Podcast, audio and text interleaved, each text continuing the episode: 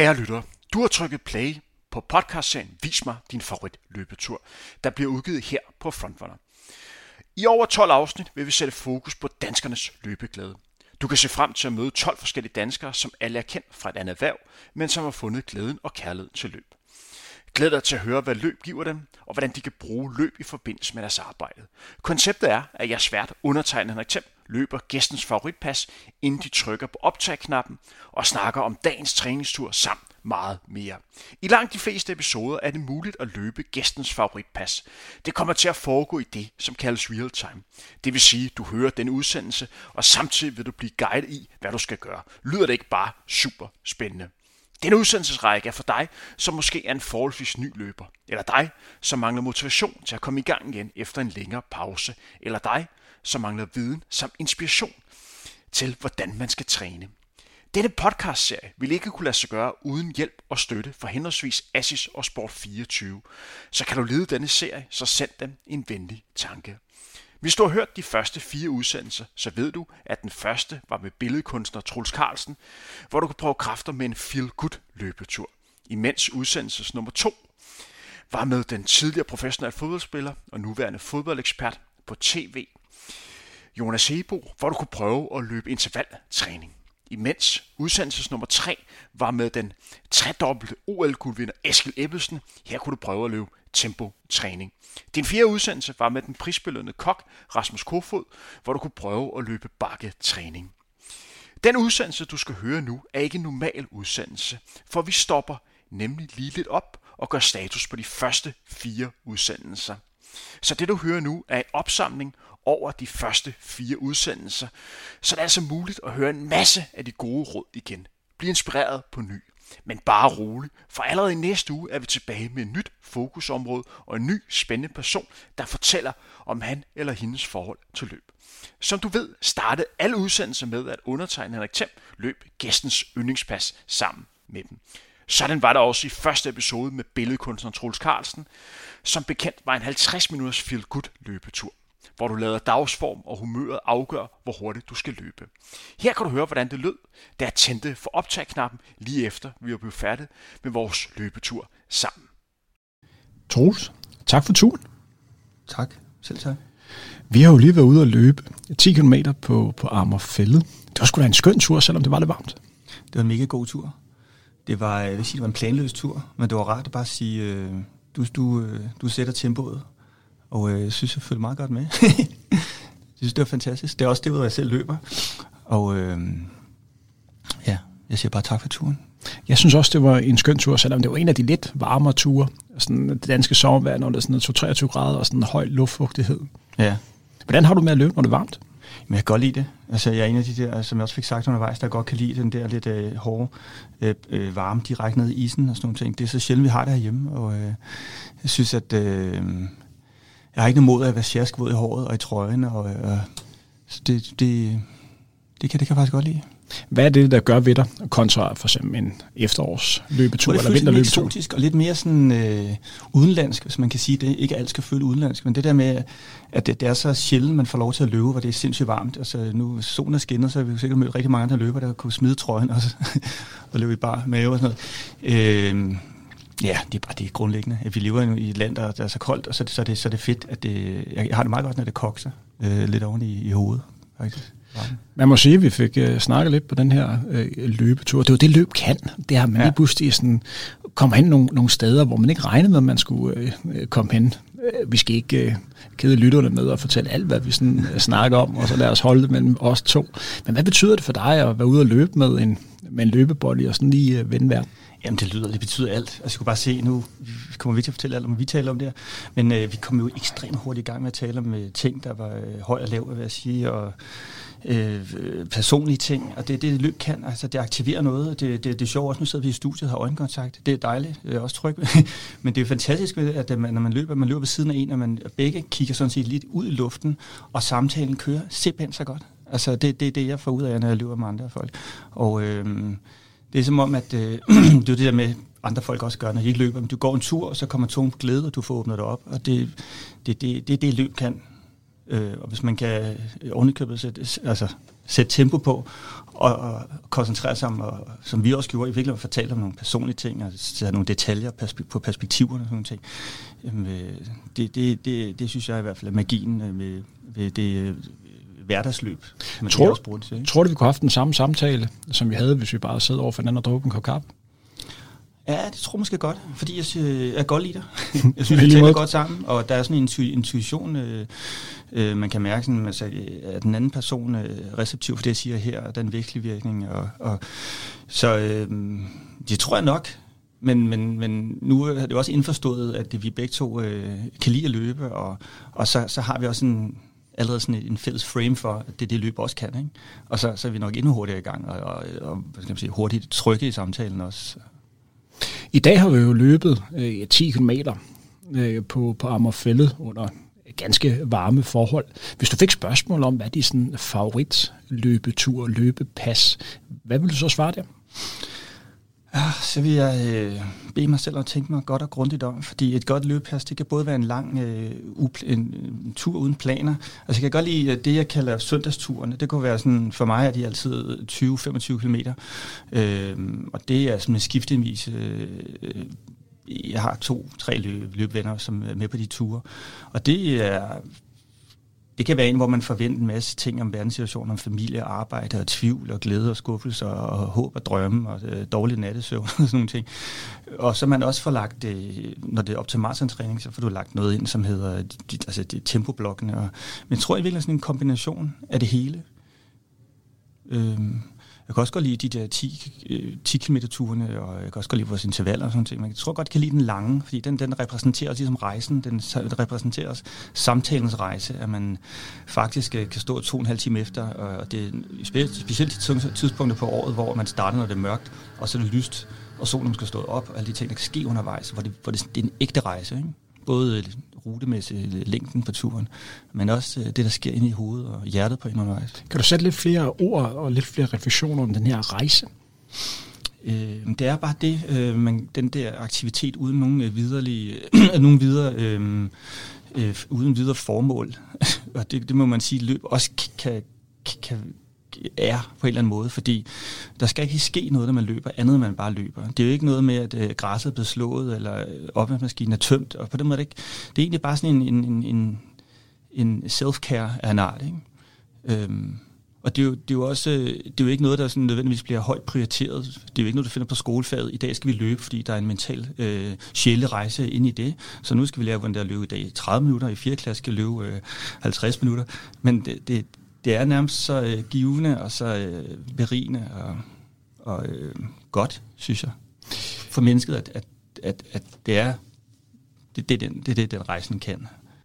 I udsendelsen havde vi også en længere snak om, hvordan Troels brugte sin løbetur til at få idéer og inspiration til hans arbejde som billedkunstner.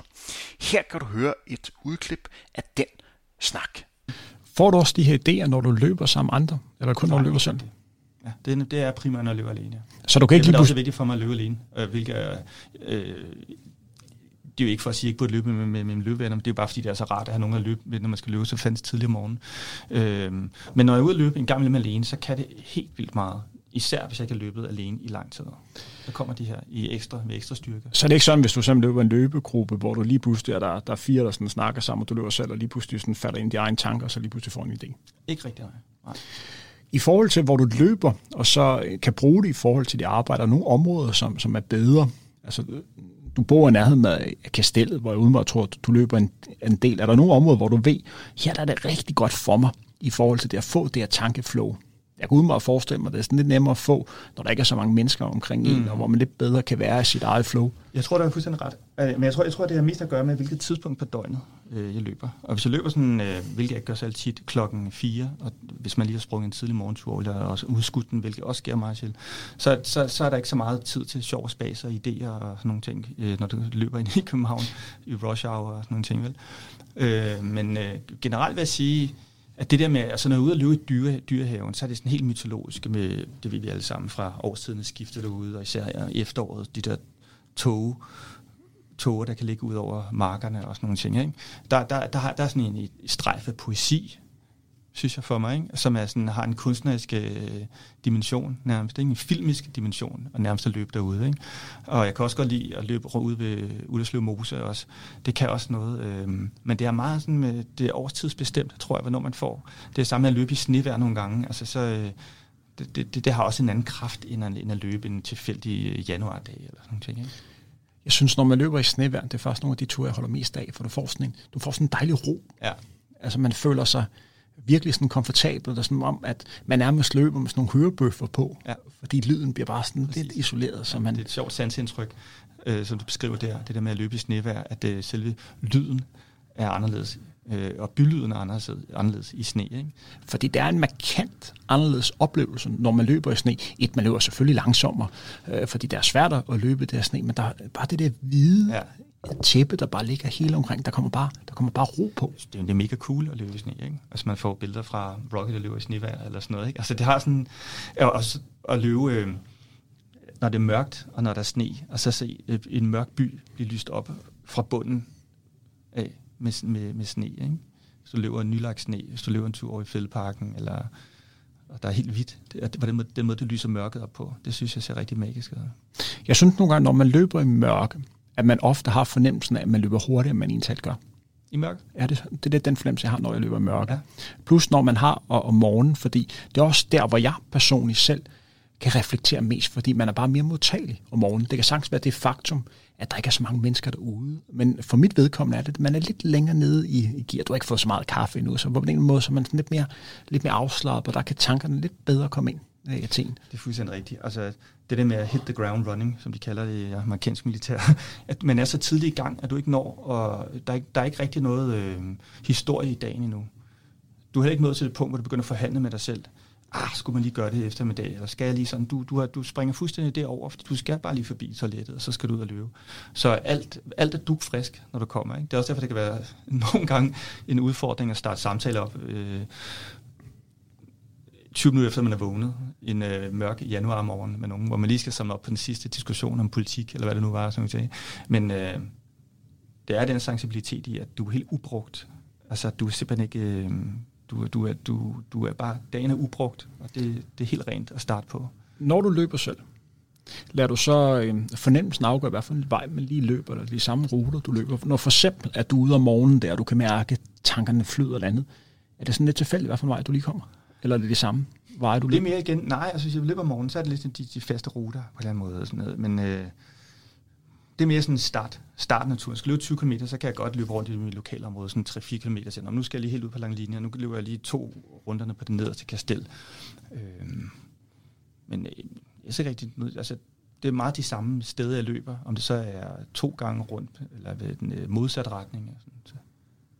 Vækker de forskellige, du nævnte jo selv i forhold til øh, din far, og hvor du har, har løbet der, i forhold til, men også i forhold til Kastellet, og det område der, hvor du bor i København, du har løbet der så meget, det kan også vække en masse minder. Det kan også for mig område, hvor jeg løb en del gange, hvor man sådan tænker tilbage, gud, der var jeg den dag, og der havde jeg det på den måde. Det må også være det samme med dig, ikke? Ja, det gør det også. Det skaber sådan en, øh, en historik øh, i ens liv, og også i ens, øh, i ens øh, ja, nærmiljø, ikke? Altså, øh, det gør det. Der, der er masser af minder. Igen, det er der fotografiske. Man kan nærmest huske, at det var dengang, jeg lige har fået den der sorte øh, løbejakke med den der sølvrefleks og et eller andet. Der, lige pludselig kan man få sådan en, en eller anden memoir øh, af, af noget, der skete øh, 10 år før. Ikke? Men det er også glæden ved genkendelighed. Ikke? Især når løber natursmukke områder. Ikke? Altså nu ser København lige igen kåret til at være den mest livability øh, udpræget, cool storby at leve i. Ikke? Og det er jo det der med, det er jo vildt, at man bare skal ned på kastellet, og så kan du se gæs og øh, storker, øh, eksluder, øh, svaner øh, med deres redder, der ligger. Og, altså, øh, den genkendelighed og den, den, det, det smukke, der er ved København, især også når København er ubrugt, når du er ude klokken halv seks om morgenen. Altså sådan en sommermorgen, lad os sige juni måned, du løber rundt. Der er jo ikke et øje, når klokken er halv seks. Altså du har jo byen for dig selv. Og du har bare det her gyldne solskin ind på alle flotte bygninger, på træerne, der er ved at springe ud. Og vi slutter nogle gange af med en dukker øh, nede ved skuespilhuset. Ikke? Så det, det er bare det er sådan en gratis voksen legeplads. Denne udsendelsesrække er som bekendt bragt i samarbejde med Sport24 og Assis, og de er en af hovedårsagen til, at det egentlig er muligt at lave denne serie. I hver udsendelse medfører det også en lille snak omkring løbesko og hvad løbesko betyder for gæsten. Her kan du høre Troels Carlsen, der sad med en sprit ny løbesko for Asics i hånden, sætte et ord på, hvad en god løbesko betyder for ham, om om farverne betyder noget, nu når han trods alt er kunstner. Du sidder selv med et par Asics-sko, et par Nimbus 24 US 10. Hvad betyder et par gode løbesko for dig? Jamen, jeg er egentlig ikke sådan en løber, som sådan, øh, tripper så meget over, hvilke sko jeg har. Altså, det er egentlig meget, øh, meget simple living. Jeg bruger cirka, jeg kører cirka et par løbsko, og så, løb, så har jeg sådan en, øh, sådan meget basic. Jeg løber dem simpelthen færdig. Altså, jeg har cirka jeg løber et par, par sko i fem måneder, og så kører jeg et par nye par. Så det er sådan to-tre par om året. Og det skal, jeg har en god mængde træningssko. Den skal bare være relativt bred. Jeg mener selv, at jeg har en bred fod. Øh, og... Øh, det er det. Og så har jeg, jeg, jeg bruger egentlig, jeg kan godt lide at have, at mine sko er sådan en all-round sko. Jeg har ikke to-tre sko, jeg sådan vipper på øh, og, og skifter med over 4-5 måneder. Øh, og så har jeg en race-sko. Du er jo kunstner. Lægger du mærke til, hvordan en sko ser ud? Ja, det gør jeg.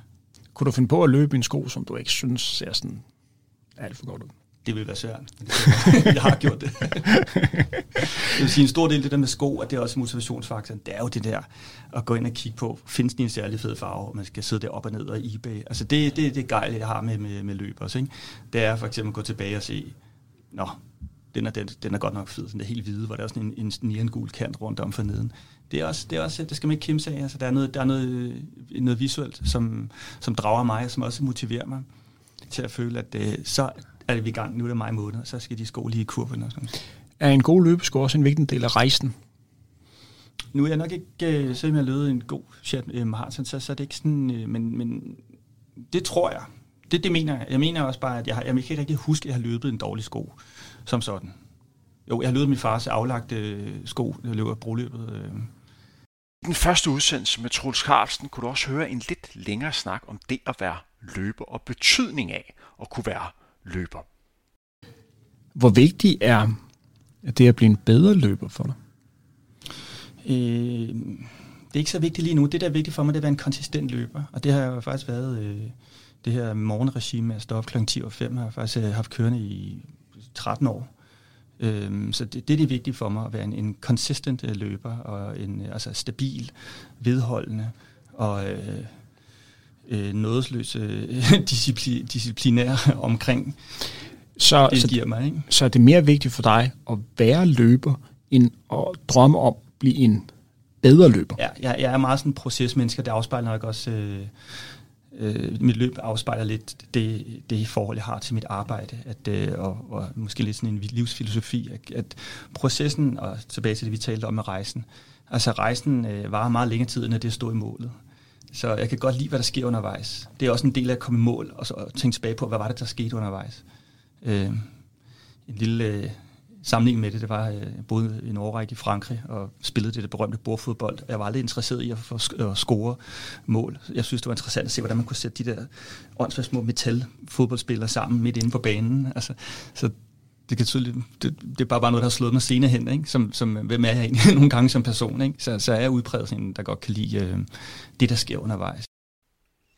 Ønsker du at høre mere til billedkunstner Troels Carlsen, så kan du glæde dig over, at der ligger en hel udsendelse med ham i dit podcast feed. Du skal bare rulle en lille smule ned, og så kigge på afsnit nummer 1 i denne serie. Afsnit nummer to var med den tidligere professionelle fodboldspiller og nuværende fodboldekspert på TV2 og Mediano, Jonas Hebo.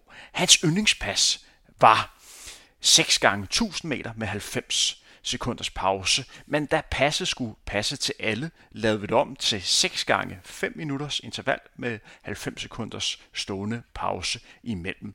Og så var der ligeledes 15 minutter opvarmning og 15 minutter afjok. Men som du kunne høre, så skete der noget dagen før, at vi skulle optage, som ændrede lidt på planerne. Jonas, nu skal vi jo i gang med at snakke lidt om løb. Vi har jo snydt ja, lidt Det er jeg lidt spændt på. Fordi ja. normalt i det her koncept, så har vi jo startet med at løbe en tur sammen. Ja. Men det forholder jo så sådan, at du er jo kommet en lille smule til skade. Ja, altså, Ja, altså det er simpelthen elendig timing. Jeg, øh, Udover at øh, jeg, jeg, jeg blev gift i lørdag så og holdt en stor Tillykke fest der, ja tak, ja, tak, så øh, har det jo så gjort, at der har været lidt planlægningsvanskeligheder i, i forhold til løb i de her dage. Øh, og jeg vidste jo, at jeg skulle mødes med dig her torsdag, men jeg havde altså brug for lige at komme ud og røre kroppen øh, onsdag og, og løbe nogle intervaller, hvor jeg også lige fik noget rigtig luft i lungerne. Øh, og da jeg er på vej ud af Frederiksberg Have, ned forbi øh, en restaurant, der hedder Josti, hvor man kommer ud til Pile Allé og tennisbanerne, hvor Frank og Kasper spiller i kloven, så kan det være, der er nogen, der har lidt bedre styr på, hvor det er.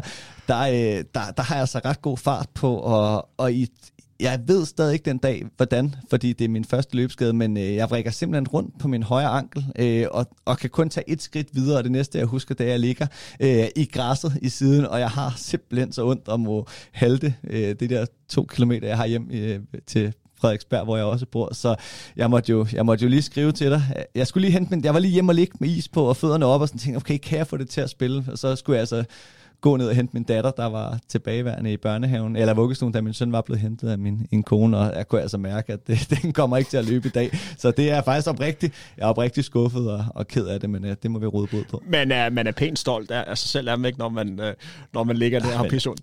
Jeg, jeg, jeg har, altså det er, jo det, det er jo så også det, der er forskellen ved at løbe, hvor jeg ofte er alene. Altså jeg lå bare der på græsset, og jeg prøver sådan at tage benene op, og jeg kan ikke rigtig støtte behandler, på det. Op, behandler, Nogen i nærheden, og så kommer der altså bare en, der holder en bil ind med en ældre dame. Jeg kan se, at hun lige kigger ud, men der har jeg så nok stolthed til bare at sætte mig op, og så vinke hende videre, så var det klart den derfra.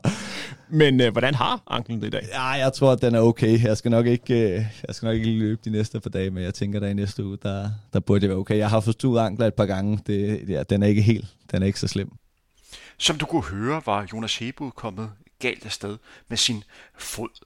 Man skal ikke også lige høre en forklaring på, hvorfor han rigtig gerne ville løbe de her 6 gange 1000 meter? Hvorfor det lige præcis var det pas, han gerne ville fremhæve som hans favorit løbepas? Det er klart det sværeste spørgsmål, du kommer til at stille mig i dag, fordi jeg har forskellige favorit løbepas i forhold til, hvad min krop har behov for. Men noget af det, jeg fordi rigtig meget af mit løb stammer jo fra fodbold, er noget af det, som jeg allerbedst kan lide ved fodbold, når jeg ikke bare er ude for at nyde at løbe og have noget i ørerne, der kan få mig til at slappe af og slå hele verden fra rundt om mig, så er det at få den der følelse af, at jeg, jeg har givet alt. Øh, så, så jeg tror, at hvis jeg kun måtte vælge et, jeg skulle løbe sammen med dig, så tror jeg, at det vil være øh, 6 gange 1000 meter. Det er en klassiker. Det er en klassiker, også fordi, at det jeg godt kan lide ved det, det er, at øh, man har den der klassiske følelse af, at, at, at man løber stærkt, hvilket vi, alle, vi kan alle sammen godt lide at have den følelse i kroppen, at pausen går for hurtigt, men når man kigger på de der sekunder, i, i forhold til, at nu skal man til at i gang, har man det der, og så det der med, at når man løber 1500 eller 2000 eller 3000 intervaller, hvad man nu gør, så kan de godt føles lange. Altså det er sådan 1000 km, ikke? det føles som om, den er lige ved at være der, og derfor føler jeg altid, at man har en bedre mulighed for, for at holde farten, hvilket jo så også giver mening. Så det er god selvtillid, men samtidig det der med, man kan være helt færdig bagefter. Jeg kan fortælle dig, at det er nok en af de intervalpas, som langt de fleste løber har løbet flest gange. Ja. Fordi hvis du er i tvivl om... Er 6 meget normalt? 6 gange Ja, 4, 5, 6, 7. Nogle løber også Jeg har fodboldtræner, der har haft op at lave 8 gange jeg har, jeg har en gang, jeg har en gang personligt lavet 18 gange 1000. Nej. Det var, det var virkelig kedeligt. Kæft, det var kedeligt. Altså, det er ikke noget, jeg sådan kan, kan anbefale. Øh, men hvis man er i tvivl om, hvad man skal lave som løber, ja. så det her er nok et meget safe valg. Ja, okay. øh, fordi at du får bare rigtig meget ja. for pengene. Og som du selv nævner, så er det også godt rent mentalt, mm. at du kan overskue det. Samtidig med kan det også for nogen være en fordel, at man har prøvet det før. Ja.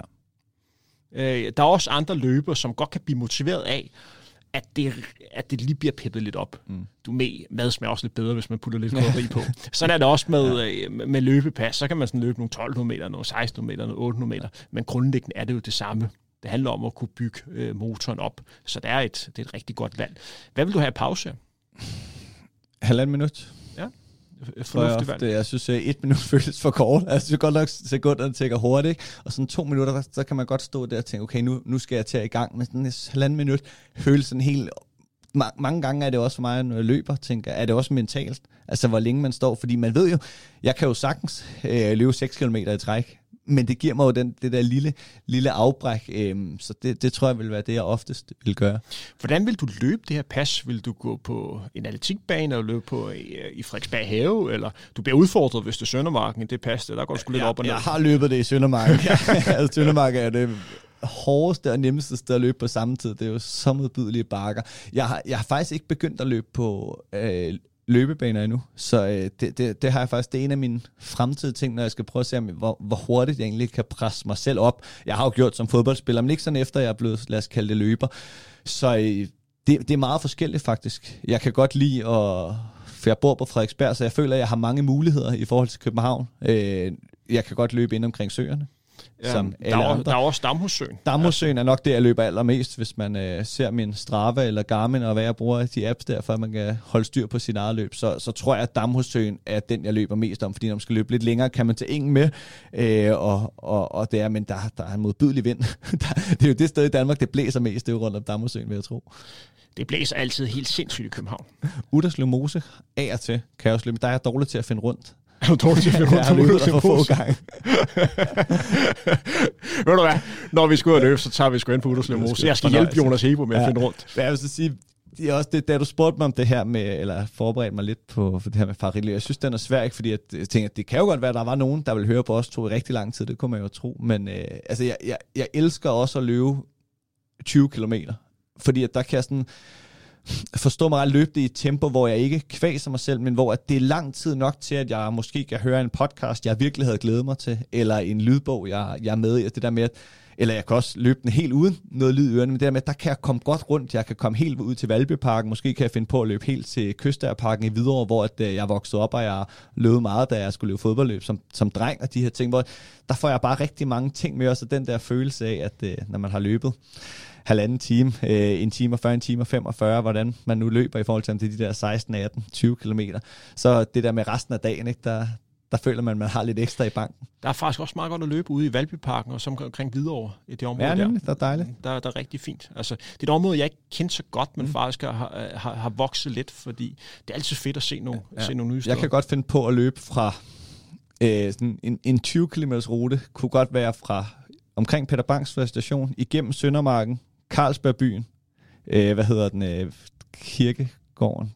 Ja, jeg kender godt kirkegården, øh, ja. Og så ind igennem Valby Park, og så ud til Køster Park, og så slut hos øh, mine forældre, og så får jeg min kæreste og børn til at komme, og så spiser vi der. Så og du har selvfølgelig GPS og det hele på, når du er ude at løbe. Ja, altså... Øh, ja, så du kan uploade det bagefter. Ja, jeg har tracker på, ja, ja. ja. Altså, jeg er jo fra, fra den tid, da jeg startede med at løbe, der fandtes GPS-ure jo ikke. Nej. Så, så, så jeg er jo for en generation, hvor man løb på fast opmålte ruter. Ja. Så, så de ruter, jeg løb, det var jo nogen, der var ude med målebånd ja. og måle de der uh, ruter op. Ja. Så du havde sådan tre-fire ruter i København, som man skulle løbe på, og du vidste præcis, hvor det var en kilometer. Altså, det, var, det var dengang, hvor man ikke snakkede om, om ja, det skulle være spændende. man ikke kiggede på uret, hvornår der var gået den der kilometer, man var inde for. Der har man tid, bare, man altså, der har man bare fokus på. Og den måde, man sådan kørte det på, på den måde, det var, at når man så kom tilbage, så var der sådan en stor opslagstavle, hvor man så kunne se, hvor man havde løbet på, lad os sige, 5 gange 1000 rundt i Fældepark. Ja. Hvor lå man her i forhold til, hvad der var løbet? Ja, det kan jeg faktisk meget godt lide.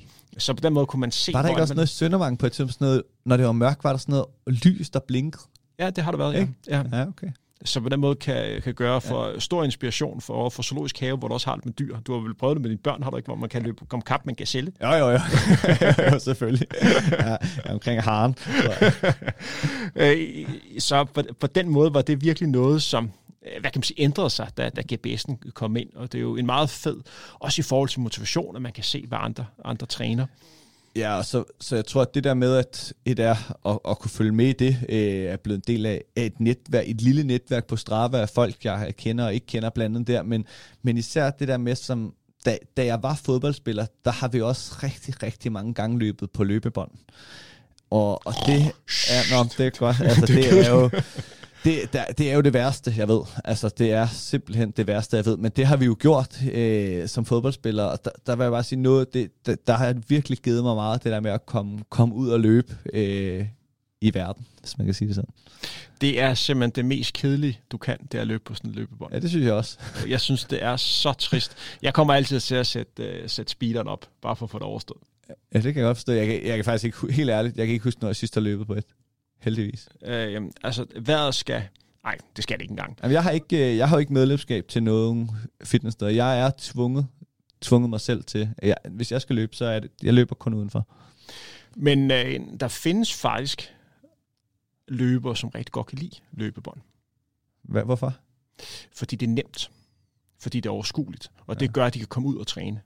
Øh, der er mange, som især når det er koldt, at det er en kamp at tage løbetøjet ja. på og komme ud. Der ikke har den samme, øh, hvad kan man sige, motivation og fascination som ja. dig, hvor det er nemmere at stige sig ind i et, et fitnesscenter, og så trykke på løbebåndet, øh, og så løbe afsted. Okay. Jeg kan faktisk huske, når jeg løb sidst på løbebåndet, jeg lavede faktisk en, øh, der var sådan en TV2-format, med Meise hedder hun. Ja, jeg kender godt Meise. Øh, hvor at mig og faktisk øh, Chris Anker, øh, ja, vi skulle lave øh, under corona, hvor han skulle cykle, og jeg skulle løbe. Og så da vi havde gjort det en gang, jeg kan ikke huske præcis, hvad vi skulle gøre, men så skulle vi... Øh, fik vi en eller anden form for, øh, skulle vi suge i et eller andet, men sådan, så vi, det føltes som om, vi havde haft corona, da vi skulle lave test 2. Øh, det, det kunne godt mærkes, der følte jeg, at jeg havde øh, bly i benene, da jeg skulle løbe efterfølgende. Men, øh, så det var faktisk sidste løb på løberen. Det kan man sikkert finde på TV2 Play eller et eller andet. Øh, hvis man er udholdenhedsatlet, så skal man helst undgå det der corona der. Det, det er altså noget, der, der niver lidt nas. Øh, i, en, øh, i en periode. I snakken med Jonas Hebo kan du også høre om forskellen mellem fodboldtræning og løbetræning. Hvordan har Jonas oplevet den forskel? Ja, det, det er der på hver sin måde. Altså de her intervalpas, på, som vi har snakket om af forskellige måder, der er, det jo, der er det jo lige når du er færdig, der kan det føles som et, et intervalspil i fodbold, hvilket giver meget god mening, fordi det er de her minutter, du laver noget holder pauser i gang igen, som er noget af det hårdeste, du kan lave. Men hvor at, øh, når du har spillet 90 minutter i en fodboldkamp, så vil der være kampe, hvor du bagefter til, okay, det var egentlig ikke så hårdt, så når du står op dagen efter, så kan du godt mærke, hvorfor det var, det var hårdt. Og det er sådan det her mere, når man laver de her lange løb, hvor man siger, okay, nogle gange, når man har løbet 15 eller 20 km, eller hvad det nu kunne være, så tænker man, okay, det var jo egentlig ikke noget, men så er det den der følelse af at kunne mærke det i kroppen øh, dagen efter. Og jeg vil sige, en gang har jeg virkelig kunne mærke det, hvor at jeg, jeg, jeg kunne mærke, at jeg var da jeg var i London og skulle lave noget med nogle forskellige fodboldspillere, derover jeg havde taget løbe ting med, der skulle jeg løbe, havde, skulle jeg lave, løbe to gange 9 kilometer med pause imellem, og så skulle jeg løbe nummer to progressivt. Og der kunne jeg godt mærke, at dagen før havde jeg løbet, inden jeg skulle flyve, at der var jeg simpelthen overambitiøs. Altså der kunne jeg mærke både på mit, mit hoved var for tungt, min ben var for tunge, og min luft kunne simpelthen ikke følge med. Så der måtte jeg sådan omdirigere lidt undervejs, for det var ikke noget, jeg kunne lave progressivt alligevel. Det var sådan, at Jonas Hebo stoppede sin aktive karriere som professionel fodboldspiller i vinters. Kort tid efter begyndte han træning op imod hans første maratonløb, og tilbage i maj måned 2022 gennemførte han Copenhagen Marathon. Men hvad var det for en oplevelse for ham at træne op imod Copenhagen Marathon? Hvordan gik selve løbet, og hvad vil naverne op til? Hvor nervøs blev han, når han alligevel skulle ud og prøve kræfter med noget, som var markant anderledes end det, han kendte som fodboldspiller? Ja, generelt er jeg ikke typen, der bliver nervøs op til noget, før man er lige ved. Øh, det er nok også noget af det, jeg har taget med fra fodbold, fordi da, man var, da jeg var yngre, var jeg ret nervøs, men når kampene startede, glemte man det hurtigt. Men jeg tror, det var sådan mere de der uger, de der uger op til begyndte man at, at finde ud af, fordi det jo også var første løb, og at man ikke har løbet, hvordan kommer det til at føles, når man når efter de der 30? Hvordan kommer starten til at være? Hvordan er der løb med så mange? Så jeg tror, det var mere tang, øh, tanker om øh, sådan udfaldet undervejs, en nervøsitet, der sådan blev blandet ind. Men øh, det, var sådan, det var der, altså dagen før, kan jeg da huske, sådan, der, der begyndte det sådan at, begyndte at rumle lidt i kroppen, og da jeg skulle tage metroen herind og sådan noget der, havde lidt sværere ved at spise morgenmad og alle de her ting, som er så vigtige, men som kan være så svære, når man skal udrette noget, øh, som man ikke har prøvet før, og som man er i tvivl om, hvad man skal gøre. Og hvordan greb du det an, sådan rent øh, taktisk? Hvordan, øh, hvad var dine forventninger til løbet? Hvordan bygger du det op? Altså, jeg var jo, er jo så grøn i det, at jeg indtil et par måneder før vidste jeg slet ikke, der var de her ballonger, altså de her pacer, man kunne løbe efter, og jeg, jeg havde ikke rigtig nogen idé om, hvordan... Øh, hvor, altså jeg vidste, der ville komme så mange mennesker, øh, fordi der var så mange, der skulle løbe det, men når man kom hen på, på bryggen, hvor vi to ikke sidder så langt fra nu, hvor, vi egentlig, hvor står man egentlig, og hvordan kommer man afsted? Øh, og, og, og hvad skulle jeg egentlig gøre i forhold til musik, og skulle jeg lytte til noget undervejs? Og så egentlig for, sat mig, og det vigtigste var, at de første 10 kilometer, der øh, skulle jeg løbe på omkring 4,45, og så skulle jeg ikke have noget lyd i, fordi der skulle jeg bare mærke, hvordan det var. Og så ryger folk jo bare derud af, og man finder ind i det, nu begynder, der begynder at komme lidt mere luft og lidt mere plads, og så inden jeg får kigget mig om, så er der jo gået 10 km. Altså, jeg skal godt nok ikke have noget musik eller podcast i ørene, jeg skal bare mærke det her.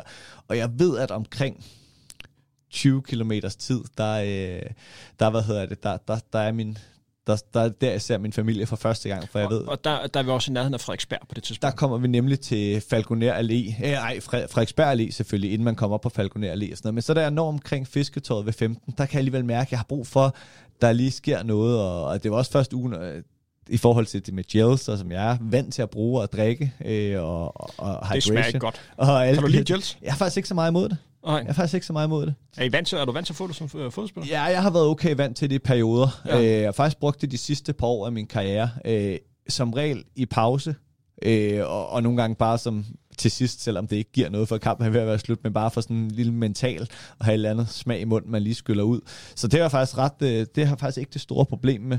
Øh, og, og så selvfølgelig, og, og det jeg også havde fået at vide, man skulle gøre, det var at øh, selvfølgelig tage, tage al den væske undervejs, du kan få på alle de stop, der nu engang er.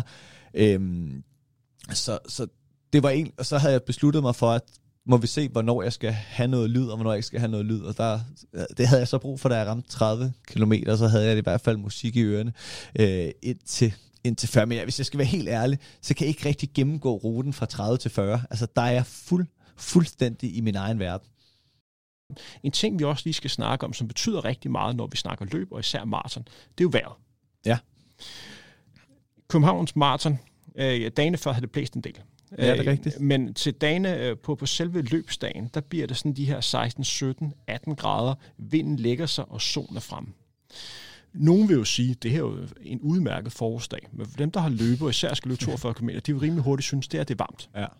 Det var vel også en varm omgang for dig, var det ikke? Jo, det var det. Øh, så hvis jeg kunne vælge helt... Jeg, kan fakt, jeg, jeg er blevet bedre til det nu, men jeg kan bedst lide at løbe lidt senere på dagen.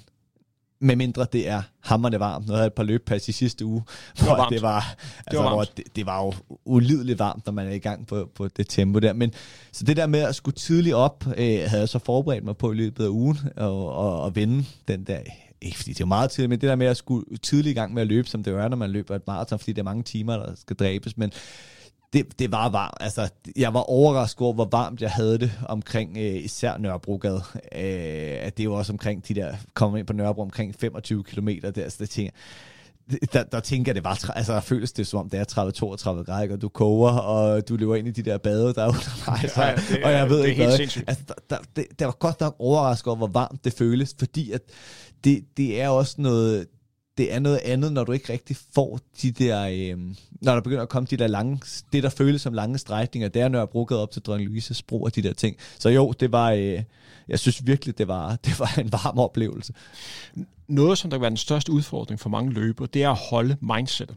Øh, fordi når det begynder at blive hårdt, og det lyder som om, det var hårdt på det tidspunkt. Det var det. Både fordi, at det er et maraton. Ja. Altså alle kan sgu ikke løbe maraton, undskyld sprog, men det er noget specielt at kunne løbe, løbe 42 km. Men også det med at kunne holde fokus, fordi hvis man begynder at tænke negative tanker, så planter det sig bare ned i kroppen, ja. og så bliver man træt. Så det handler om hele tiden at fokusere på de, de positive. Og jo længere tid man kommer frem, og jo mere man bliver overladt til sig selv, jo mere begynder man på det der, hvor man begynder at tælle ned kilometer. Og hvis man først begynder at tælle ned, så bliver det altså en rigtig, rigtig lang tur. ja, jeg kan huske... Øh, jeg kan huske, jeg kan jo så regne ud, når det er omkring 27 km, der løber jeg forbi to gutter, som er de, de har løbet foran mig, for det var sådan nogle, jeg havde fuldtes med, uden at følges med sådan undervejs. De var lidt, de er lidt ældre end mig, og så, så sto, de, de stoppede simpelthen og begyndte at gå lidt. Og så siger ham den ene til den anden, bare roligt, der er kun 15 tilbage. Kigger jeg og siger, fandme 15 er, er langt, men øh, det, det er også langt, når man allerede er begyndt at gå, eller hvad man kan sige. Det er langt, det er rigtig øh, langt. Jeg, jeg tror, det der med, at de første 20, altså det er også, jeg havde sat mig uden at sætte mig et mål, men så var det i bag, altså målet var, at jeg skulle gennemføre, men i, i baghovedet var det, at jeg gerne ville løbe det på 4,59 i snit øh, per kilometer. Og jeg starter på de der 4,45, øh, fordi at det, det føles rigtigt i momentet, og det er nok, hvis jeg skulle sætte tilbage på en ting, så var det jo det der, som man jo for, formoder jeg ofte gør, starter for hårdt ud, eller for hurtigt ud. Øh, og, og det rammer jeg også ind men jeg, jeg begynder at få nogle omkring 35-6, begynder jeg at få nogle øh, krampetilstande i baglovene. Sådan, hvor jeg tænkte, mm, hvis det, er, hvis det havde været en fodboldkamp, så havde jeg sagt ud til min træner, det kan godt være, at jeg skal ud nu, for ellers kan jeg ikke spille næste uge -agtigt. Men jo selvfølgelig ikke øh, kunne få mig selv til at overhovedet være i nærheden og stoppe. Men hvor jeg lige, da, da jeg hvad hedder det, inde og tage vand de der sidste gange, der, der stopper jeg simpelthen op, fordi jeg er nødt til bare at strække ud og så er det, at jeg får omkring 39, der får jeg sådan en form for krampe i lysken, hvor jeg bare må stille mig og prøve at strække ud så langt jeg kan, og lige gå 100 meter, og bare sådan lige så stille komme i gang med at lunde. Ikke? Og så var det så, da jeg så det der 40 km tegn, tænkte okay, nu er, vi, nu er vi så tæt på, at nu kan det give mig hvad som helst. Nu skal, jeg, nu skal jeg nok komme igennem. Og det er det, Martin kan, fordi man får åbnet op. Du får også åbnet op for en masse følelser, så du er ikke rigtig styre. Jeg har både prøvet at være rigtig, rigtig glad, jeg har prøvet ja. at være sur, jeg har prøvet nærmest at græde, jeg har prøvet at være irriterende, jeg også bare tænkt, fuck det, det gider jeg ikke, lade os bare stoppe. Ja. altså. Men nu nærmer vi os hen på de sidste 200 meter. Kan du beskrive den følelse, der du havde, da du løb i mål? Ja, det kan jeg godt, fordi jeg har set ret mange marathons herinde, og har altid, øh, jeg har set de her, der sprinter ind til sidst, dem, der bare holder deres løb, dem, der er så fokuseret, at de ikke lægger mærke til, at der er nogen, og så dem, der bare nyder opløbsstrækningen ind. Og jeg kan huske, at en af de ting, jeg havde tænkt meget over, det var, hvordan jeg egentlig selv ville håndtere de her 200 meter, øh, 200-300 meter, hvordan det er. Og der er jo så mange mennesker, at jeg kunne høre min, var det min far, der råbte, jeg kunne ikke rigtig se men jeg kunne i hvert fald høre ham på et tidspunkt. Jeg vidste, at mine børn og min kone var der, eller daværende kæreste, nuværende kone var der på det tidspunkt. Og jeg kan huske, at en af mine gode kammerater spurgte, hvorfor løb du egentlig ikke hurtigere ind, da det var, når du kunne se målet? Og han har ikke løbet maraton før eller noget. Øh, sådan, sådan, fordi det havde han jo set nogle af de andre gøre. Og jeg var bare sådan, jeg kan ikke bare huske, at jeg tænkte, at jeg kom bare tættere og tættere på, men jeg holdt nogenlunde samme tempo, øh, og der er vi langt nede i tempo i forhold til, hvad jeg havde løbet, fordi jeg var så færdig, som jeg var. Øh, og så kan jeg bare huske, at da jeg rammer målstregen, øh, der, jeg fokuserer, og det var egentlig virkelig en rar følelse, at der, der fokuserede jeg slet ikke på tiden på det tidspunkt. Altså, jeg kunne slet ikke, det var bare at komme igennem den der befrielse af at have klaret det, af at kunne gøre det, men uden at falde, altså uden at, at bukke under hverken for det ene eller det andet, men bare sådan en, en eufori af følelser, øh, af, som det er når man har haft mange måneder, der, øh, der sammenfattes i det moment. Ligesom det var tilfældet med Truls Carlsen, er det også muligt at høre meget mere til Jonas Hebo. Han var altså gæsten i andet afsnit af Vis mig din favorit løbetur. I udsendelse nummer 3 var det muligt at lave tempotræning med den tredobbelte OL-guldvinder Eskil Ebbesen. En af de mest vindende danske atleter igennem øh, tiderne.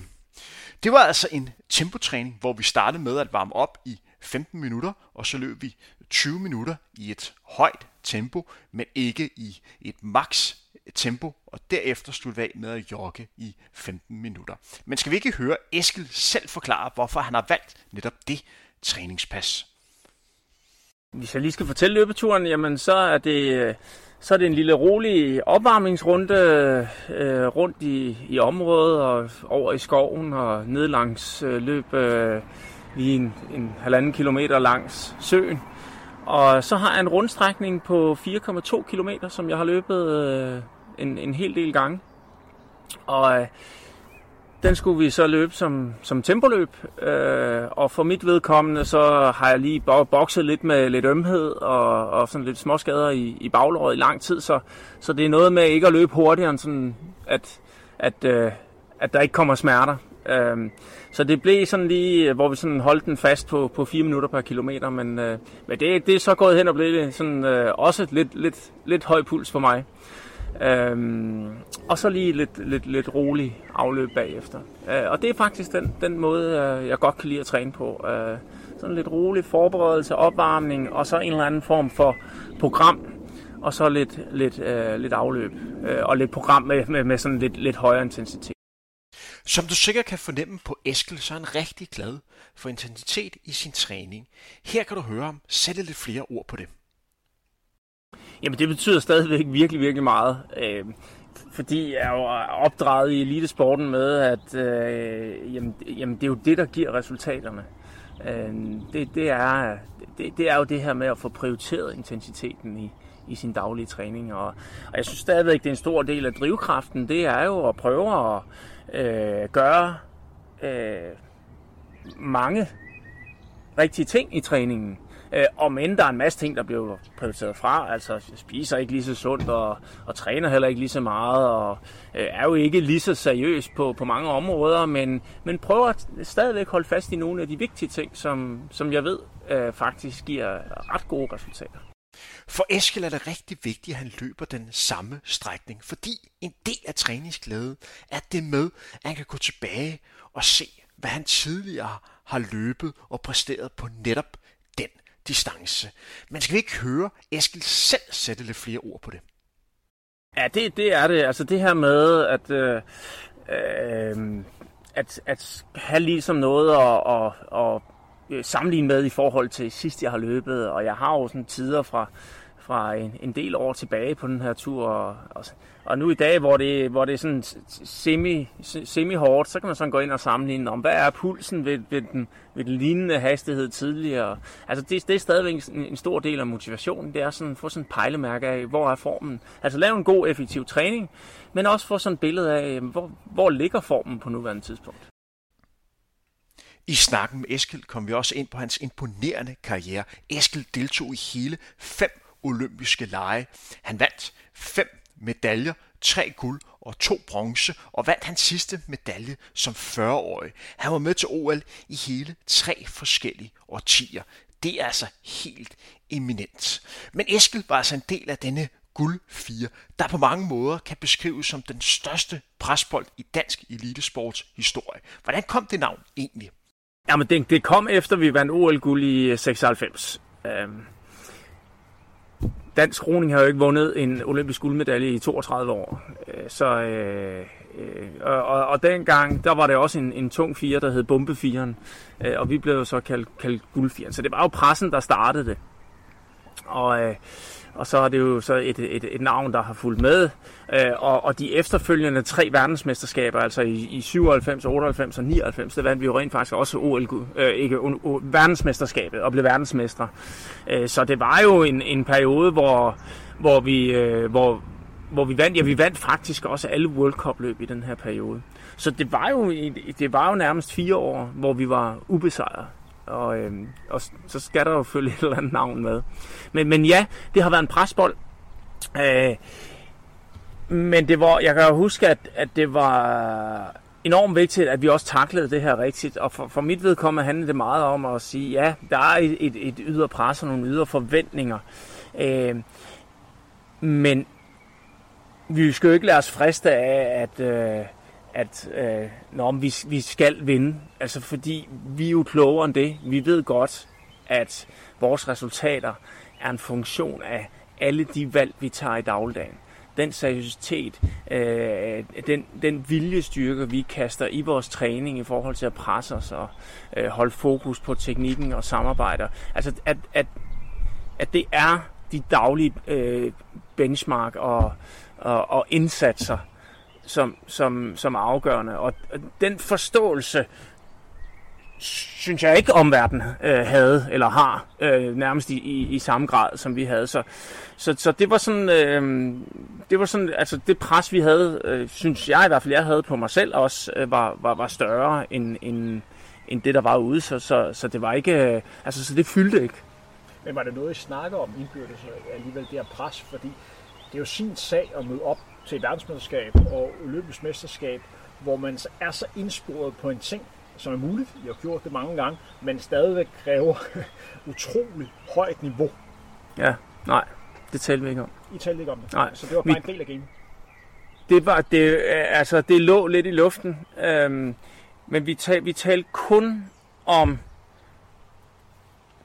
processen. Altså, vi, vi talte kun om altså, hvad, hvad, hvad, skal der, hvad skal der justeres på? Hvad skal vi holde fokus på næste gang? Hvad, hvad, hvad, hvor, kan vi, hvor, hvad, hvor kan vi hente ny fart?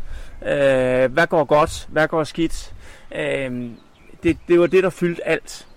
Øh, så, så det var hele tiden jagten på, på den optimale fart, øh, der fyldte. Og det tror jeg også er, er en sund måde at angribe det på. Øh, fordi så snart man bef- øh, bevæger sig over i en snak omkring det ydre pres, og øh, jamen så, så er du i en anden verden, hvor du ikke nødvendigvis bliver bedre til det, du laver.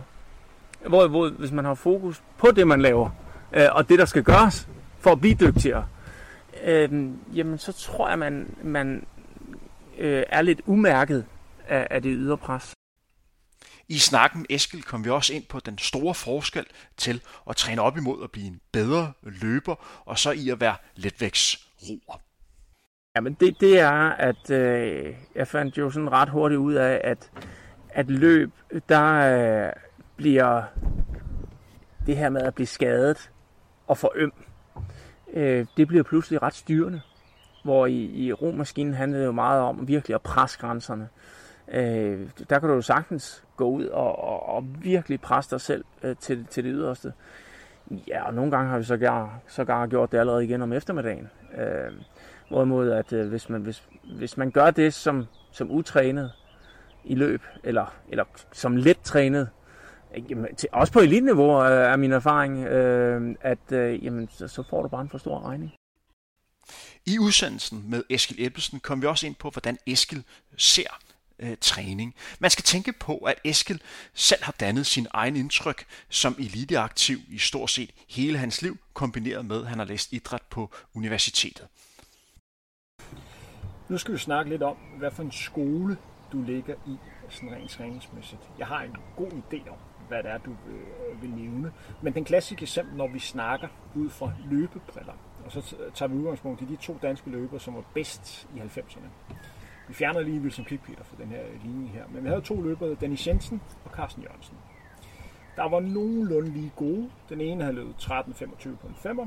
Den anden havde løbet på sekunder langsommere, men den anden havde løbet 27 53 på en 10.000 meter, den anden havde løbet lige over 28 minutter. Men deres tider er sådan set ikke så interessant det her. Det er den måde, som de trænede på. Dennis lå og trænede 7 timer om ugen. Hvor 7 timer? 7 timer om ugen. Hvor at gennemsnittet på hans tur, han løb omkring 110, 120, 130 km Men turene gik i 3.10, 3.15, 3.20 hastighed. Så det var højintens arbejde. Han havde en 5 km fart, som var 2.40. Så det, det er stadigvæk med overskud, når han løber 3.10. Det er stadig med overskud, så han er stadig 30 sekunder fra. Jeg er sikker på, at der er mange, der hører med i det her program her, som ligger og løber endnu hurtigere.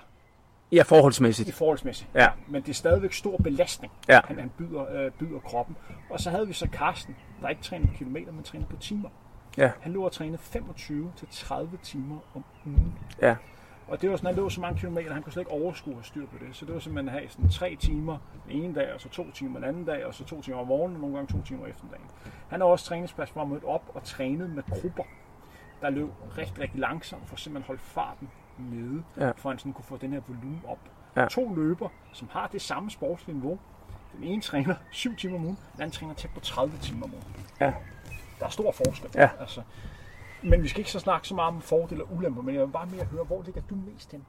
Jamen, så, så øh, man kan sige, at min filosofi i dag er jo øh, lidt Carsten Jørgensens. Altså, at øh, sådan enten, øh, nu er det sådan lidt ekstremt, det du det er meget ekstremt. Det, det er meget ekstrem forskel. Øh, men det er det, det, det, det her med, at øh, prøver egentlig at holde sådan en ret stor mængde med lav intensitet. Øh, slet ikke de der øh, tal der, men, men men på den anden side, så, øh, så prioriterer jeg jo også næsten hver træningspas at have høj intensitet.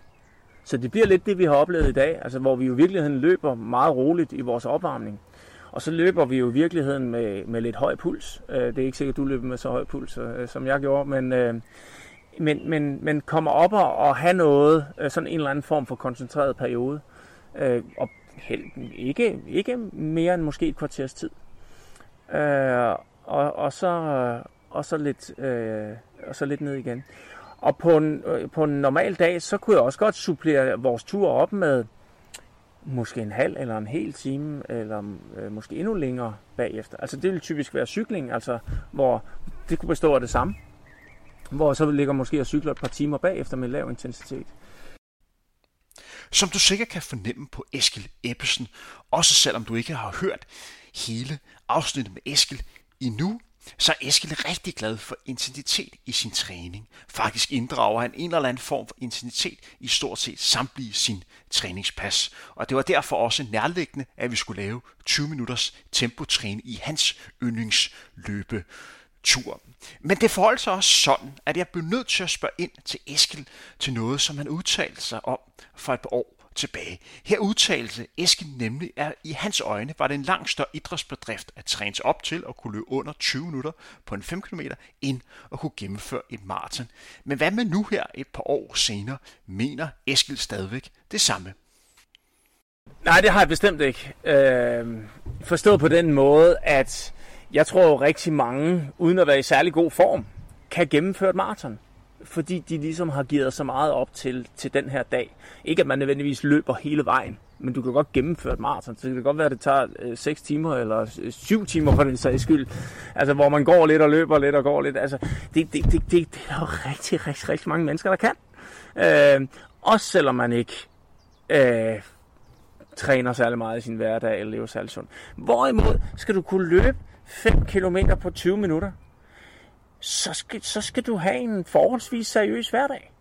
Altså, du bliver næsten nødt til at være normalvægtig. Du bliver næsten nødt til at, at, at have jævnlig øh, konditionstræning og øh, at, at gå lidt op i din, din daglige livsstil. Øh, ellers så skal du virkelig være et stort talent. Øhm, så så, så, så det, det med at, at kunne præstere godt på en 5 km for eksempelvis, det også en 3 km, eller en 7 km, eller en 10 km, eller, eller hvad det nu er, det siger mere om din dagligdag og din daglige livsstil.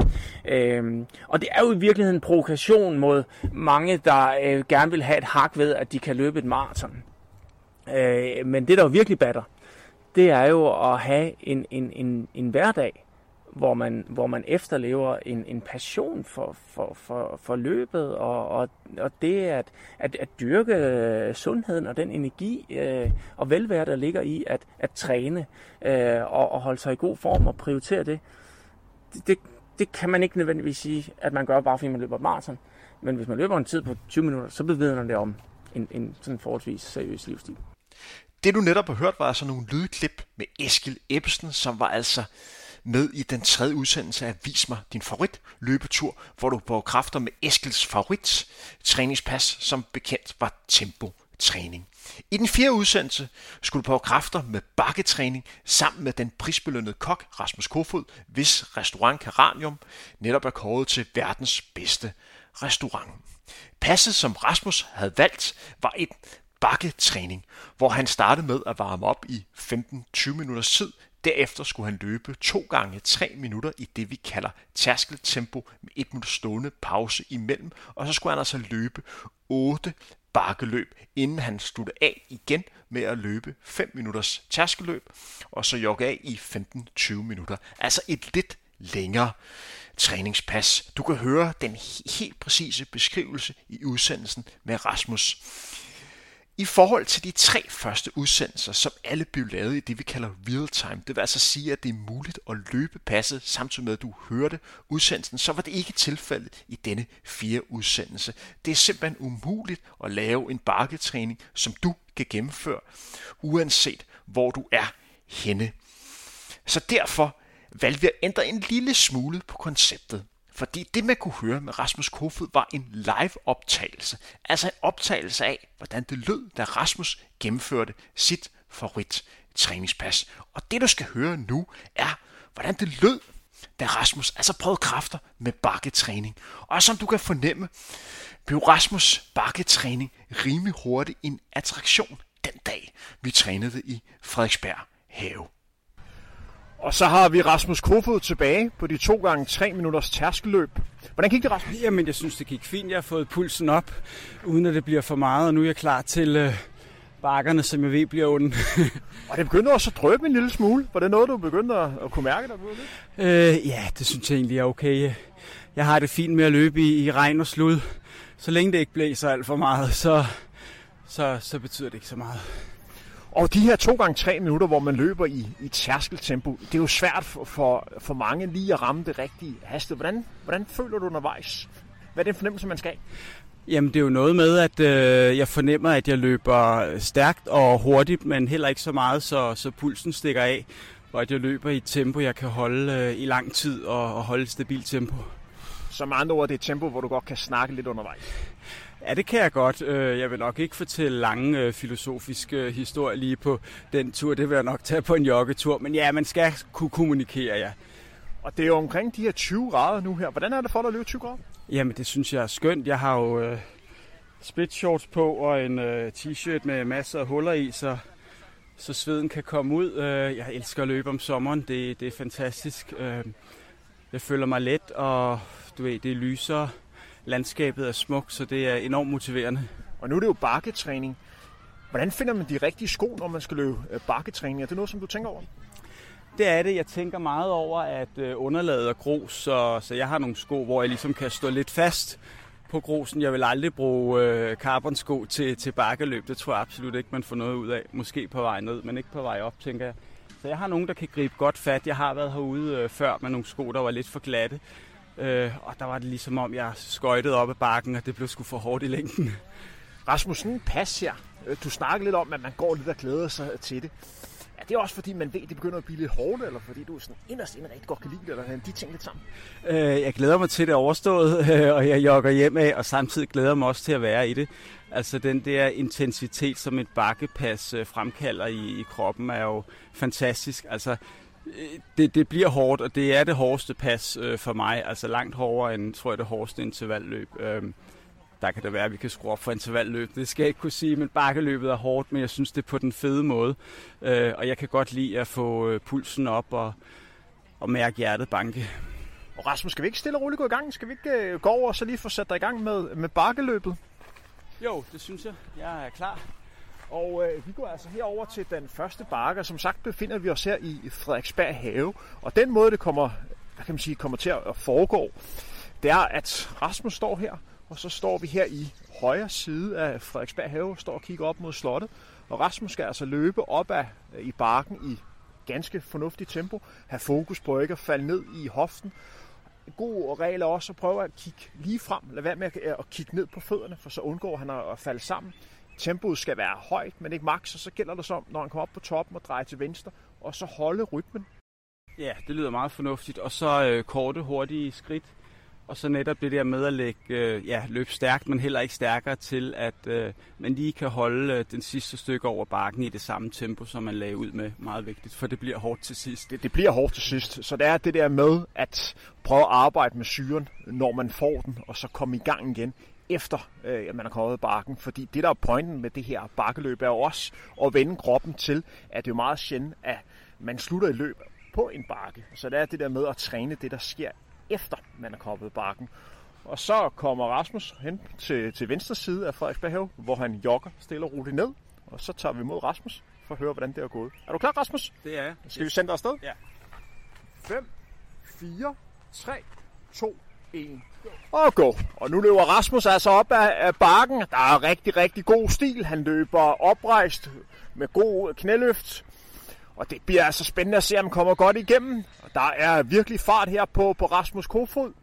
Der bliver virkelig løbet til, og han har altså fokus på at undgå at falde sammen i hoften og kigge lige frem. Og nu går vi altså hen og tager ham imod, når han har overstået her det første bakkeløb. Så Rasmus, så er vi løbet den første bakke. Jeg stod og kiggede på dig. Du er jo godt nok stærk op ad bakken. Ja, det, øh, det kan godt være, at jeg lidt for hårdt ud på den første. Det må vi se med de næste. Øh, ja, 3.30 fart opad. Hold den godt. Og så er det klart, så bliver den også hård på det flade stykke. Ikke? Så jeg så frem mod øh, lidt jog ned ad bakke. Hvordan havde benene det sådan op ad, op ad bakken? Kunne man mærke det til sådan øh, liv lidt? Øh, jeg kunne godt mærke det til sidst, da jeg kom op på toppen af bakken, at benene syrer lidt til, at de begynder at spænde lidt i, især øh, underdelene fra knæet og ned mod foden i, i benene, men øh, det føles også fedt samtidig. Hvad tænker du undervejs op på sådan en bakke der, når du har registreret noget som helst? Øh, jeg tænker, at jeg skal holde farten og bide, øh, bide smerten i mig og øh, nyde det. Vi må lige beskrive scenariet her. Der er jo masse børn her, som er ude i Frederiksberg Have. Og hej med jer, hej hej, der bliver løbet bakkeintervaller. Er det ikke fedt at have sådan en masse oh, børn? Ja, det, dem, dem skal jeg jo også imponere, så jeg kan heller ikke uh, proste for meget efter vejret. Så, så det er dejligt med en masse børn, der uh, hæpper. Vi er i gang med endnu, uh, vi skal i gang med endnu et bakkeløb. Er du ja, klar, Rasmus? yes, jeg er ready. Og vi sender altså Rasmus i gang med tur nummer to. Rasmus, så har du gennemført her nummer to. Hvordan var nummer to frem for nummer en? Øhm, lidt hårdere. Jeg kom i tanke om, at der, der så er seks omgange tilbage, så det, den var hård, men øh, jeg kan sgu godt lide det.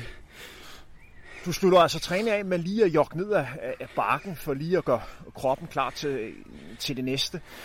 Hvad kan du mærke, der sådan sker, når du sådan løber nedad? Jamen, så prøver jeg at få styr på mit åndedræt. Træk vejret ind igennem næsen og puste ud stille og roligt, så roligt jeg nu kan, for ligesom at få styr på åndedrættet. Øh, det er egentlig det, jeg tænker på, og så øh, nyder jeg lige, at det ikke er så intenst et øjeblik. Hvad med sådan rent øh, mentalt? Du skal jo altid løbe 8 øh, bakkeløb. Deler du sådan lidt op i bidder, eller hvordan gør du? Øh, jeg tager en etape ad gangen, altså op og så hen langs øh, slottet og så øh, ned ad bakken. Det, det er ligesom en omgang. Øh, ja, og så lige opad igen, det er en omgang. Så det deler det lidt op i etapper, så kan jeg bedre overskue det. Og nu skal du i gang igen, Rasmus. Yes, God fornøjelse tak. med nummer 3. Tak. Rasmus, du har nu overstået interval nummer 4, og jeg stod lidt og snakkede om, at da du startede, så er jo lige pludselig sådan øh, 10-20 børnehavebørn slash skolebørn efter dig. Hvordan? Ja, det var sjovt. De motiverede mig lige til at løbe lidt ekstra hurtigt op ad bakken. Jeg skulle nødig blive overhalet af et par skolebørn. Og Det var jeg, fedt. Det var godt følge. og, jeg, jeg, og jeg kunne også se, at du sådan lige øh, hævede lidt til dem for at få dem med. Ja, ja, det, det er jeg jo vant til med mine egne børn lige at prøve at, at få dem lidt højere op i tempo. Øhm, og det prøvede jeg også med dem. Det lykkedes meget godt. Og hvordan har benene det her efter fire bakkeløb? Du er halvvejs. Halvvejs øh, på vej ned til dødsriget Hades. Nej, jeg synes, øh, de er trætte, men øh, skal nok komme igennem. Så du kan godt overskue det stadigvæk. Ja, det kan Nu, nu begynder du at tælle ned. Det er det. Nu, øh, nu er jeg halvvejs. Oh, Rasmus, skal vi ikke lige spørge her nogle af de her børn her? Har I mod på at løbe med sammen med Rasmus her på de næste løb? Ja, ja, ja, ja, gerne med. Så skal jeg altså prøve at se, om I sådan kan, kan følge med. Hvor lang, tror I kan, hvor lang tid tror I kan følge med med Rasmus? Det, det er. Jeg kan ikke særlig langt. Meget vil tage sin sko, fordi det løber så hurtigt. Skal vi så ikke gå i gang, så tæller jeg ned fra 5, så kan I løbe med. Rasmus, er du klar? Hvor kender jeg egentlig hen? Målet er at komme op til toppen af bakken. Pas på, at I ikke løber alt for hurtigt til at starte. Og jeg, jeg tager ned fra 5. Er I klar? Og jeg står her i Frederiksberg Have og står og snakker øh, med to børn, som står og kigger på Rasmus Kofod her løber bakke øh, intervaller. Kan I lige fortælle, hvad I hedder? Jeg hedder Marta. Hej, jeg hedder Irma. Og øh, hvad er årsagen til, at jeg er herude i Frederiksberg Have? Øh, vi skulle øh, sejle øh, i bådene sådan rundt med vores øh, klasser. Og, og hvad går I i af klasse? 3. A. 3. A på hvilken skole? Lakurvejsskole. Og øh, mange af jeres klassekammerater løber altså med Rasmus Kofod her. Hvordan er det at se Rasmus løbe bakkeintervaller? Det ser sjovt ud. Det vidste jeg ikke rigtig, jeg skulle se. Var det noget, som du kunne tænke dig at prøve selv at løbe op ad bakken? Øh, måske, men jeg, jeg tror ikke, jeg vil klare det. Du tror, I vil klare det. Kan du lige sætte et ord på, hvor stejl den bakke er? Er den meget stejl? Ja, den er ret stejl. Den er jo ret lang, og så den er sådan okay stejl, men den er ikke sådan helt lige op. Så den er sådan okay. Men det er stadig en bakke, hvor man Ja. tænker, der er godt nok langt op. Ja. Så skal vi ikke uh, tage imod Rasmus, når han kommer ned? Jo.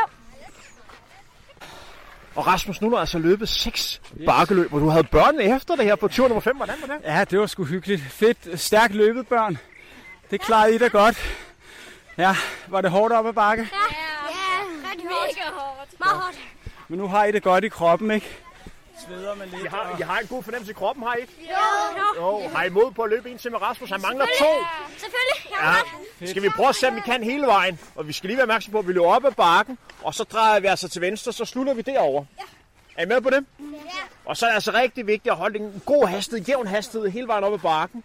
Og så prøver man, og prøv at se, om man kan løbe videre, når det begynder at flade lidt ud. Så skal vi ikke stille os op på række, og så løbe med Rasmus her på de sidste to. Ja, er I klar? Nej. Er I klar til at løbe med Rasmus? Rasmus skal lige stå i midten. Er vi klar? Så tæller jeg ned på 5. 5, 4, 3, 2, 1. Nu. Og nu er Rasmus følgeskab af øhm, 20-25 børn. Og de konkurrerer altså op, hvem der kommer først op ad bakken her i Frederiksberg Have. Og her står en af dem, som ikke har løbet med. Hvorfor har du ikke løbet med? Fordi jeg er mega træt. Er du mega træt? Ja, mine ben er gået stykker. Jeg ved ikke, hvad der sker med dem. Kan du sætte lidt ord på den her bakke, du står og kigger på? Ser den stejl ud? Øh, ja, også mega svær. Og mega svær. Ja. Så du er meget imponeret af din klassekammerater og Rasmus, der løber opad. Ja. Ja. Du har prøvet at løbe lidt opad. Hvordan Ja. har man det i benene, når man løber op ad bakken? Altså, jeg er lidt træt i benene nu, og jeg har også lidt ondt i dem, men ja. Det er fint nok. Kan du mærke, det giver dig noget sådan rent træningsmæssigt? Ja, lidt sagtigt. Ja. Kunne du godt tænke dig at blive lige så god til at løbe som Rasmus? Mm, ja. Så, så du har mod på at prøve den anden gang. Ja. Så men uh, tak for snakken. Og nu er Rasmus ved at være færdig med 8. bakkeløb. Han er altså på vej ned af, af bakken her i Frederiksberg Have, og det går ikke lang tid, før vi har ham i mål med det her 8. bakkeløb. Og jeg glæder mig til at høre, Hvordan Rasmus har det? Jeg skal lige beskrive scenariet, da han løb det sidste bakkeløb. Endnu en gang havde Rasmus rigtig, rigtig mange skolebørn på, på slæb, og Rasmus brugte lige tid på også at give dem alle sammen high five og lykkeønske med, at øh, de løb med ham de andre løb. Og nu er altså Rasmus færdig med den 8. tur. Rasmus, hvordan var de sidste to løb? Øh, den var hård. Også fordi jeg gav alt, hvad den kunne til sidst op ad bakken. Men øh, nu er jeg færdig. Hvordan, Føles godt. Kan du sætte nogle lidt ord på den fornemmelse, du har i kroppen lige nu? For pustet skal lige have været. Øh, men det er jo dejligt, at jeg kan løbe med alle de her børn. Det var fantastisk og meget motiverende øh, at blive fuldt af sådan 15 unger. Og øh, Rasmus, jeg skal lige sætte lidt ord på den sidste. Jeg står og betragter, du løb rigtig, rigtig hurtigt op ad den sidste bakke. Ja, det, det gjorde det. var 3.20 fra start til slut. Jeg sagde også til ungerne, nu, bliver det, nu løber vi stærkt her til sidst. Det er altid vigtigt at gemme lidt krudt til sidst. Og hvad med rent øh, løbeteknisk? Hvad for ting har du fokus på her på det sidste løb? Øh, jamen, det er de der korte, hurtige skridt og læne sig lidt foroverbøjet og kigge op. Øh, holde farten fra start til slut. Ja. Og øh, du løber jo sammen med de her øh, en masse skolebørn. Hvordan ja. er det at træne sammen med andre? Jamen, det er jo sjovt. Det er jo meget nemt. De løber jo bare med. Så det er jo dejligt nemt at motivere dem, og dejligt at se deres øh, røde kinder og, og glæde ved løb. Og jeg har jo snakket med flere af dem, og de har jo fået mod på også at prøve kræfter med, med bakkeløb efterfølgende, så ja. du må have, har virkelig haft en god inspiration. Men Rasmus, træningspas er jo ikke færdig nu? Nej, det er det ikke. Vi øh, mangler lidt øh, tærskelfart. Øh, så hvad er det? Tre, det er fem minutter, tror jeg det, ikke? Ja, fem minutter. Og ja. det er altså slut uh, træning af med lige at komme tilbage i løberytmen. Ja. Og så er der lige uh, to minutter, så skal du altså i gang. Fem minutter igen. Hvordan har du yes. det? Jamen, uh, det har jeg det fint med. Den værste og hårdeste og fedeste del er jo overstået, så, så det sidste, det bliver, det bliver dejligt. Så det, der sker nu, det er, at vi skal have Rasmus ud på 5 minutters tærskeløb, og så snakker vi, snakker vi med Rasmus efterfølgende. Yes. Så Rasmus, skal du ikke bare gå i gang? Det kan du tro. Vi ses, børn. Du kan høre meget mere til Rasmus Kofod og Eskild Ebbesen og Jonas Hebo og Troels Carlsen i serien Vis mig din favorit løbetur. Det her var altså en tilbageblik på de første fire udsendelser. Du kan glæde dig til, at der meget snart er et nyt afsnit, du kan se frem til. Denne podcast serie jeg bragt i samarbejde med Sport24 og Ashes. Mit navn er Henrik Tam. Vi høres ved igen meget snart.